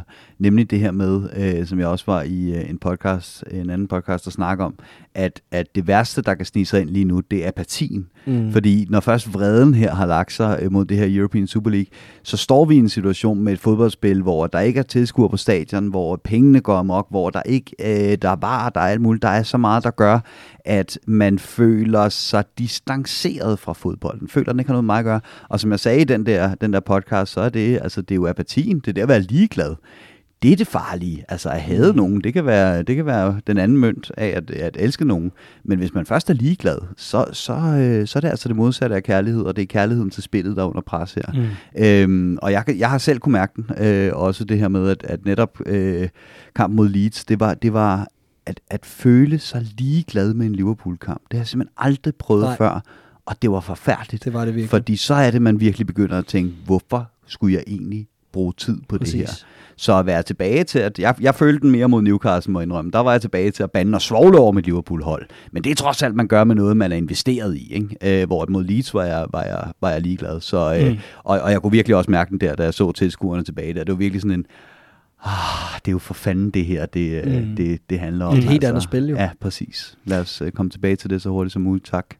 Vores Academy-redaktør på øh, Redman Family, og i Redman Family, Patrick Pilov, han sætter øh, meget fint ord på min Bella i, øh, i denne uge, og dermed er det også kickstarten på øh, lytternes Bella, ja. Han skriver, at være tilbage på poppen, det kan simpelthen ikke være anderledes. Hold nu op, hvor er det anderledes at se fodbold, når man ser det med sine medfans. Og det er altså også den, jeg vil tage med i den her uge. Det er fantastisk. Også fordi, at Redman Family, jamen du kan jo bare se det hele, jeg, vil, jeg er lige ved at kalde det formålsparagrafen, det hedder det ikke. Mm. Men, men det, der stod i vores omtekst inde på Facebook-siden helt tilbage fra 2012, det var netop, at det hele handlede om at samle og gøre det i, i socialt lag, dyrke Liverpool, være sammen om Liverpool, hygge, feste, fejre osv. Og når man er så langt væk fra det, der sådan er kernen i det, vi laver i det her fællesskab, som jo netop er at samle rigtig mange mennesker om lige præcis den her ene klub. Det kunne være alle mulige andre, men det er lige præcis den her ene klub, at finde ligesindede og mødes, at vi kan få hul på den igen og være lidt tilbage i det. Det er altså noget, der ryger helt ind under huden, om, som gør, at man har lyst, og man har mod på at gå jamen, ind i, i resten af det her år og tænke, jamen, bring it. Ja, okay. Fint, så giv mig noget Europa League. For fanden, bare jeg kan se det sammen med folk, jeg holder af, og lære nye mennesker at kende, og være en del af, af det her fællesskab. Så Pilov, det er godt formuleret. Det er nemlig fuldstændig, fuldstændig rigtigt. En anden Bella, det er også Morten Groth, vores, øh, jamen, øh, vores, vores lille husven her, fordi øh, det har noget med Riese at gøre. Han skriver, alt det her øh, ESL-bævl, det gjorde, at jeg på min medierundtur hos både Mediano og altid Arsenal har hørt Rises sprøde stemme utrolig meget. Og har samtidig lært et nyt ord. Meritokrati. Ja, da da. Og vi kan jo afsløre, øh, os tre, der sidder her, at den blev virkelig skåret op, den her kage, hvem der skulle i hvad. Øh, så øh, Morten Groth har her afsløret, at han simpelthen ikke hører Radio Loud, hvor man jo kunne høre øh, Clark James' sprøde stemme. øh, og, så, så, og det vil jeg sige, det vil jeg sige, det er, det er sgu lidt af en indrømmelse. Det har jeg ellers hørt af en meget populær kanal. Øh, Prøv der lige at høre her. mange, I øh, bedste. UEFA-stil, så trak vi jo lod om, hvem der skulle afsted, og de kugler, de var varme. Det er helt sikkert. Så, så altså, jeg vil sige, det var et, et, et tak, for, tak for rosen, hvis jeg skal tage det som en sådan, øh, Morten Groth. Øh, og, øh, og godt, at, at du kunne, kunne lære det nye ord, øh, meritokrati. Ja. Øhm, Jeg var bare Everton, Og- jeg var ikke med. Ja. Så det var, det var helt perfekt. og jeg skal, jeg skal love for, at nu, nu griner jeg jo en gang imellem, og, og, og, og driller mig lidt kærligt med, at jeg godt kan lide at, øh, at gentage mig selv en Hva? gang imellem. Nej, Det var med en udfordring at optage tre podcasts på et døgn for mig, kan jeg afsløre. Er der galt? Der var mange ting, øh, jeg, jeg skulle bide mig selv i tungen for ikke at komme til at gentage i alle tre podcasts, hvilket ville have været fuldstændig tåbeligt, ikke? men du gjorde det alligevel, ikke? Jo, ej, ej jeg, tror, jeg tror, jeg, jeg gik på to ud af tre. Jeg må godt gentage mig selv en gang, men ikke i alle tre. Så, øh, så det var godt nok. Ja. Du har altid været et større menneske end os andre. Nå, vi skal have de sidste bæller i mål. Vi øh, tager lige en fra Jesper igen. Han skriver, fansene fra de seks engelske klubber, det sammenhold på kryds og tværs var simpelthen en fornøjelse at se, da de på ingen måde var interesseret i European Super League. Og så øh, har vi, åh, oh, den skal jeg lige huske her, fordi det var faktisk en, jeg havde noteret mig. Jonas Bøjsen, Thiago, synes han er blevet helt vildt vigtig for vores spil. Man kan tydeligt se, at vi mister noget, når han ikke er der. Det samme mod Real i første opgør mod dem. Og så skal vi forbi Thomas Rode igen på Twitter, der med Bella skriver, at jeg egentlig synes, at 4-2-3-1-opstillingen egentlig er med til at få noget mere positivt output, øh, output undskyld, fra Thiago og Bobby. Generelt skaber vi mange chancer, så håber vi spiller sæsonen færdig med den opstilling. Og så nummer to, han snyder lidt, skriver, og øl på poppen med Andre Redman. det var Bella og Birdies, og lad os kaste os direkte over øh, optakten til opgøret mod Manchester United. Ja, yeah. Altså Manchester United kan vel de facto, nu skal jeg passe på, hvad jeg siger, det kan godt være, at der stadigvæk er noget point at spille om osv., men de kan vel med en sejr over Liverpool sikre, at øh, det bliver Krasnodar og ja, hvad der ellers ligger i, i, i den hat, eller i de bowler til lodtrækningerne oh. efter sommer. Nej, fordi det er ikke en garanti, at Liverpool Mm. øh, kommer til at kvalificere sig til Europa League. Øh, det kræver, at Liverpool vinder nogle kampe. Så, øh, Ja. ja. så, så tværtimod Okay, kan, så er vi i kan gang. Manchester United gøre os den tjeneste og sparke os ud af det selskab. Nej. Hvornår, Øh. hvornår bliver kampen, eller, eller øh, jagten på top 4, en jagt for at undgå top 6, nej, men, ikke? nej, men Ja. jeg, jeg, vil, jeg vil lige have det ud som, som, som det, det er sgu lidt en joke, fordi når, når skuffelsen over ikke at nå top 4 har lagt sig, øh, fordi det tror jeg ikke, vi når, øh, så er vi også nødt til at tage det alvorligt. Hvad vil det betyde at nå Europa League kontra ikke at nå Europa League? Og jeg tror stadig, det er bedst for en trup som vores, der er nået til, hvor vi er. Og med de ambitioner, vi har om at spille flere kampe om ugen, så tror jeg, det er bedst at holde den rytme Klart. i at, øh, at, at spille europæisk fodbold stadigvæk. Så selvfølgelig skal vi vinde på Old Trafford. Mm. Altså, og øh, det kommer vi ikke til, tror jeg, desværre. Men, øh, men øh, Men, men må, undskyld, må, jeg- må jeg ikke også lige byde ind, fordi i forhold til det der Champions League og Europa League, ingen er i tvivl om, at Champions League bare er så meget mere flødeskumskage, og øh, det godt kan være en lidt tør romkugle at spise, øh, spise, ja, spille Europa League. Men, men er det ikke også en del af den moderne fodbold, hvad kan man kalde det, øh, forbandelser, at man totalt devaluerer en europæisk turnering, som Europa League også er. Det er altså ikke for at gå sådan øh, helt The Office David Brent-agtigt på det, men, men, men det er jo trods alt en europæisk turnering. Det er et Jamen, trofæ, og, og- og, og, vi var da vældig investeret, da vi, da vi mødte, da, da vi spillede i 2016, ikke? Men der var vi også på et andet stadie i vores udvikling, hvilket er Absolut. utrolig vigtigt at Men tage det er jo med. stadig et og vi europæisk kom, trofæ, jo, men vi kom, bare, vi kom fra mange år, hvor der havde været så meget tørke, og så få Mm. europæiske præstationer for Liverpool, yes. så det var vigtigt for vores selvforståelse også. Men jo, du har også en pointe, fordi og der er ikke mange fans i England, der vil være enige med dig i det der. Ikke mange af de, af de notoriske top 6 klubber, fordi at der ikke er særlig mange klubber, der har den samme europæiske øh, pedigree, som vi har. Mm. Mm. Altså, det er en meget, meget indgroet del af vores historie at konkurrere i Europa, og derfor er det altid noget specielt for Liverpool, og jeg tror også, selvom at det er Europa League, og det er en beta-turnering, så er det bare vigtigere for os, end for mange andre stadig at kunne konkurrere med i Europa, om så det hedder Europa League, eller om det hedder Fort eller helst Champions League. Og lad mig gætte på, at der kommer til at ske det samme, som der gør i Carabao-koppen. Du stiller med, øh, med øh, ungdomsholdet i gruppespillet Ja, og reserverne. Øh, og så når du lige pludselig er videre, og den lige pludselig hedder kvartfinale, uhu, så begynder man at gnide sig i hænderne, og så er det trods alt muligheden for et trofæ og alt det her.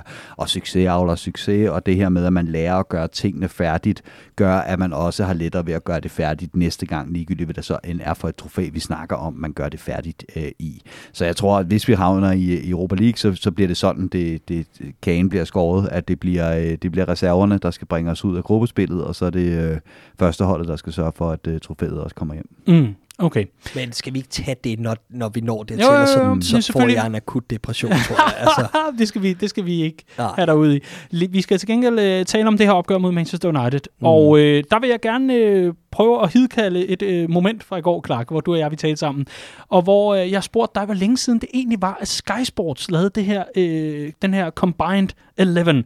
Altså den her Mm. mm. øh, startopstilling, det har de jo desværre Ah, for ja. vane, de der forbandede rettighedshaver for- i ny og næ derovre. De har jo simpelthen den der hæslige vane med at lave sådan kombineret bedste hold, hvor man sådan prøver at mixe spillerne. Det vil være den ultimative startopstilling for de to. Dumme dem. Ja, det, det synes jeg i hvert fald. Men, men for et andet år siden var det øh, rimelig øh, Twitter-banter-agtigt, i og med, at øh, man valgte 11 Liverpool-spillere. Er det ikke halvandet år siden? Jo. Jo. Hvor mange øh, i sådan en Combined 11 vil, øh, vil, være, vil være på for Liverpool? Når man laver Manchester United Liverpool nu? Jamen, i et øjeblik spillede en 3-4 stykker. En 3-4 stykker som Ja, to-tre stykker måske. Og hvad siger det dig? Øh, det siger mig, at det ikke går så godt, Daniel. Altså, hvad, skal jeg sige? Øh, det siger mig, at øh, der er sket en udvikling i hver sin retning over det sidste halvandet år, som jo er øh, super frustrerende, men som også er som jeg også tror kommer til at udligne sig ret meget næste år. Øh, men lad os se. Altså, United er jo lige pludselig blevet et hold, som ikke er særlig mange gode indkøb fra at kunne gøre sig gældende, men det er også et hold, der har brugt oceaner med penge. Det er ikke et hold, som vi snakkede om tidligere med Liverpool, der skal slå sig på andre ting, end at gå toe-to-toe med Manchester City. Det er et hold, der går toe-to-toe med Manchester City på indkøb, og ofte også længere, altså køber dyre spillere end Manchester City. Så det er også et hold, man skal forvente af, og de har underpræsteret i mange år, og nu begynder der at være en tegning til noget lovende, men jeg tror ikke, de kan tage det det sidste skridt. Mm. Og hvad med i det kommende opgør mod Liverpool, Riese? Hvad forventer du så af Manchester United, og hvordan, øh, hvordan kommer det til at løbe af staben? Det gode ved de her derbyopgør, det er jo, at formen bare ryger ud af vinduet, Daniel, og så kan alting bare ske. Ikke? Det bliver så godt. Altså, det kan godt være, at Manchester United ligger nummer to lige nu, og, øh, og ikke har tabt de seks kampe i streg og vundet fem. Clark er gået. Men Liverpool, vi har heller ikke tabt de fem kampe og spillet uafgjort mod Leeds og Kom, Newcastle. kom vi tilbage fra det vindue, Clark. Øh, Så er du, sådan. Ja. Er øh, du jeg, okay? Er du okay?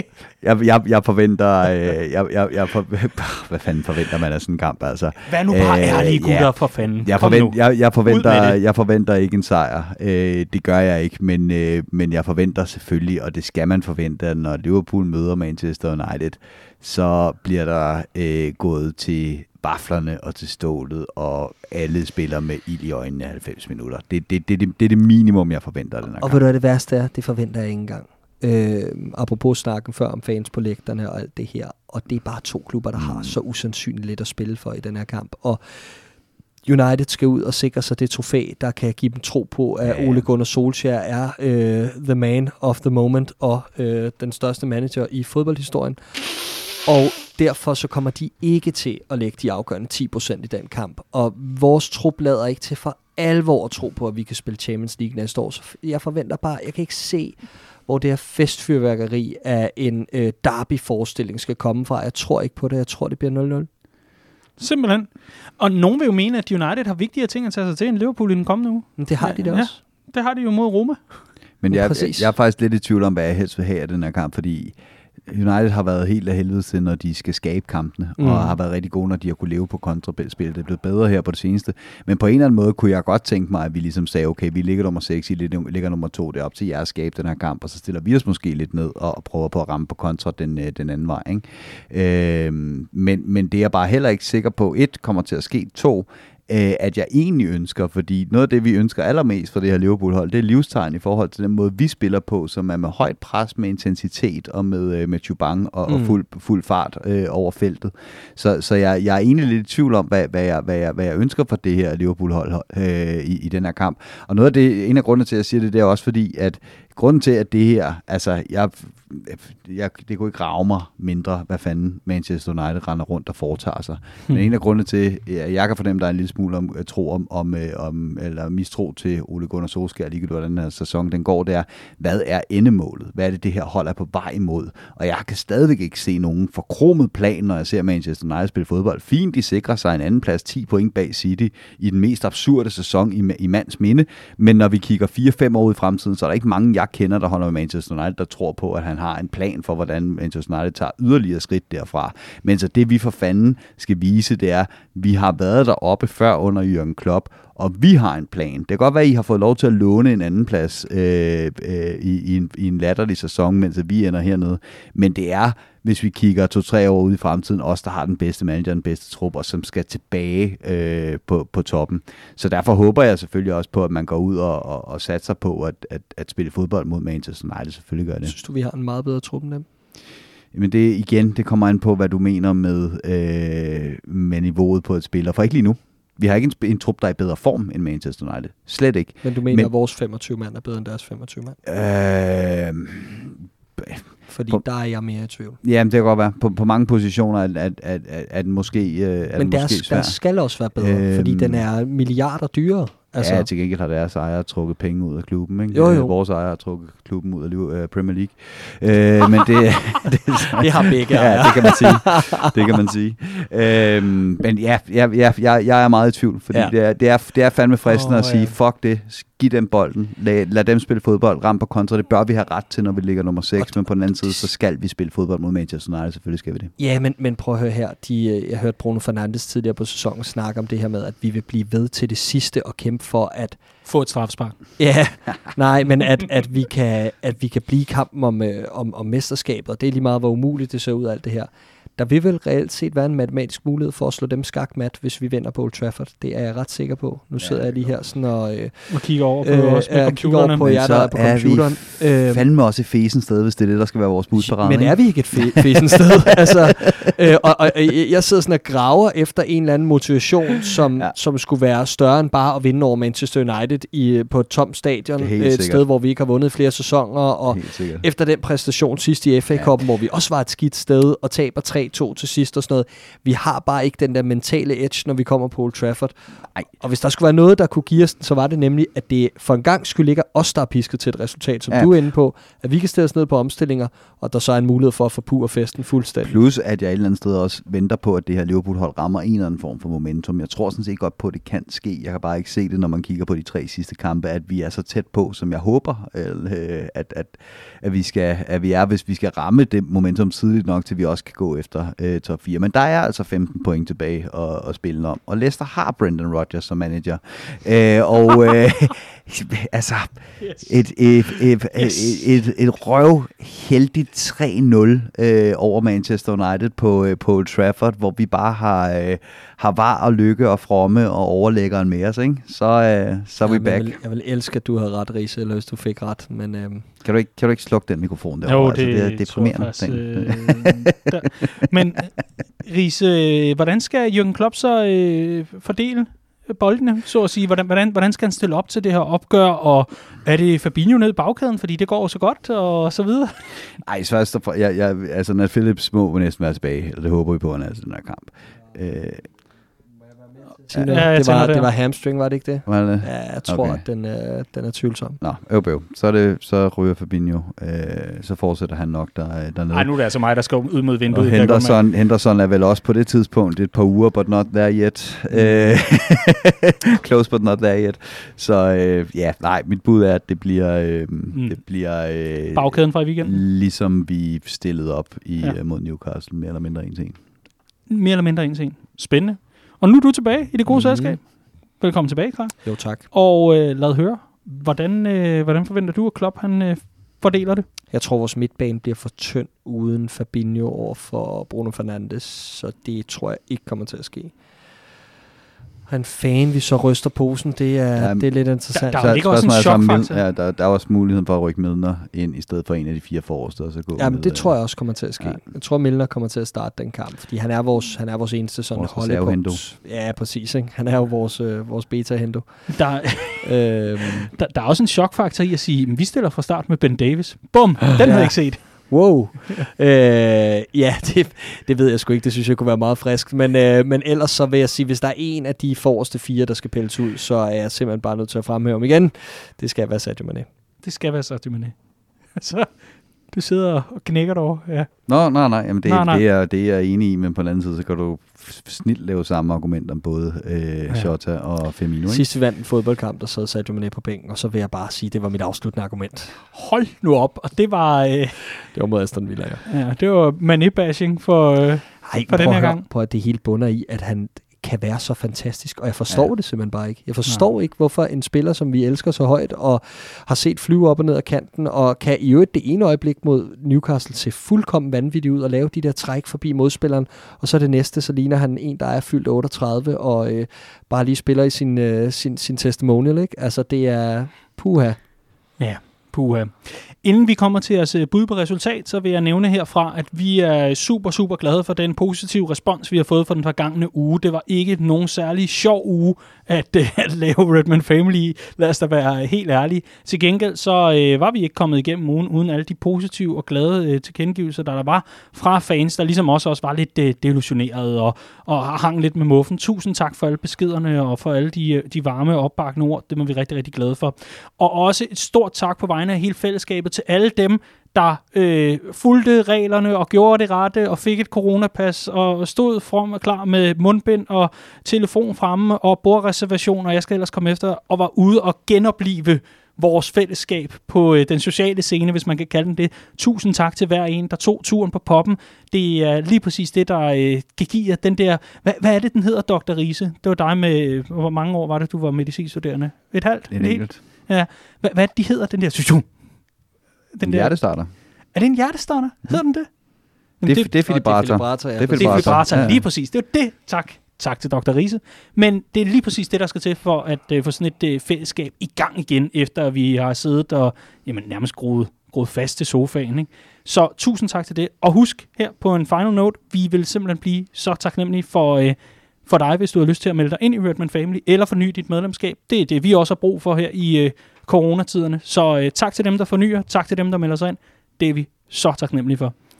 Og så skal vi have et par bud på resultat. Opgør mod Manchester United. Hvem 0-0. vil lægge fra land? 0-0 bliver der sagt meget ophidsende. Klar. Og Riese, hvad siger du? Øh, Be, be honest, Riese. ja, øh, jamen, så tror jeg, at øh, så tror jeg, jeg går med 2-2. 2-2. Du er ikke ærlig. Hva, nej, okay. Hvad, hvad, hvad, hvad, hvad vil ærlig Riese så Jeg sige? kan mærke på Riese, at han tror, vi taber den kamp. Det er sgu da mig, der har siddet og sagt, at den bliver 3-0. Ja, men jeg kan mærke det på dig.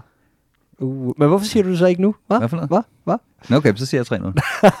Og hvad med dig, Clark? Hvem scorer først? Rashford, eller? Ej, hvor jeg er skal du nok- ubehagelig. Jeg skal nok skrue ned nu. Jeg skal nok skrue ned. Jeg håber, Dale, du har fundet en, øh, en anden indstilling Ja, til, men til for tingene, kammerat. fanden, altså. Jeg er sgu, ja. Jeg er træt, Daniel, ikke? Jeg er Jo. træt. Poppen er åben, og jeg er træt. Altså, skal lige vende mig til det der med at få øl på en lørdag. Og der er Ja, kom hjem før mandag. 12, ikke? Præcis. Præcis. Gutter, øh, sikke en Copcast, hvor vi har været øh, vidt omkring. Tusind tak for øh, skarpe analyser og øh, gode, åbenhjertige diskussioner. Det er vi, øh, det er vi jo altid, øh, jamen, altså et eller andet sted, det er vi jo altid glade for at kunne også i det her format, men øh, hvor jeg dog snart håber, at vi også kan, kan sådan holde til retlæggelsen i forhold til dang, dang, dang. At, at det hele kører mere slag i slag, i stedet for, at det bare er en stor omgang, jamen altså, jeg ved ikke hvad, biksemad af ting og sager og pointer og så videre. Jeg, jeg savner bare den gang, vi vandt det hele. Altså, for pokker, mand. Det ville ja. virkelig være dejligt at, at slutte sæsonen af på, øh, på den note. Men den her udsendelse, den har jeg også været rigtig glad for. Det var med Andreas Brøns Riese og Clark James. Mit navn, det er Dagen Siglaug. Tusind tak, fordi du lyttede med. Vi høres ved i næste uge.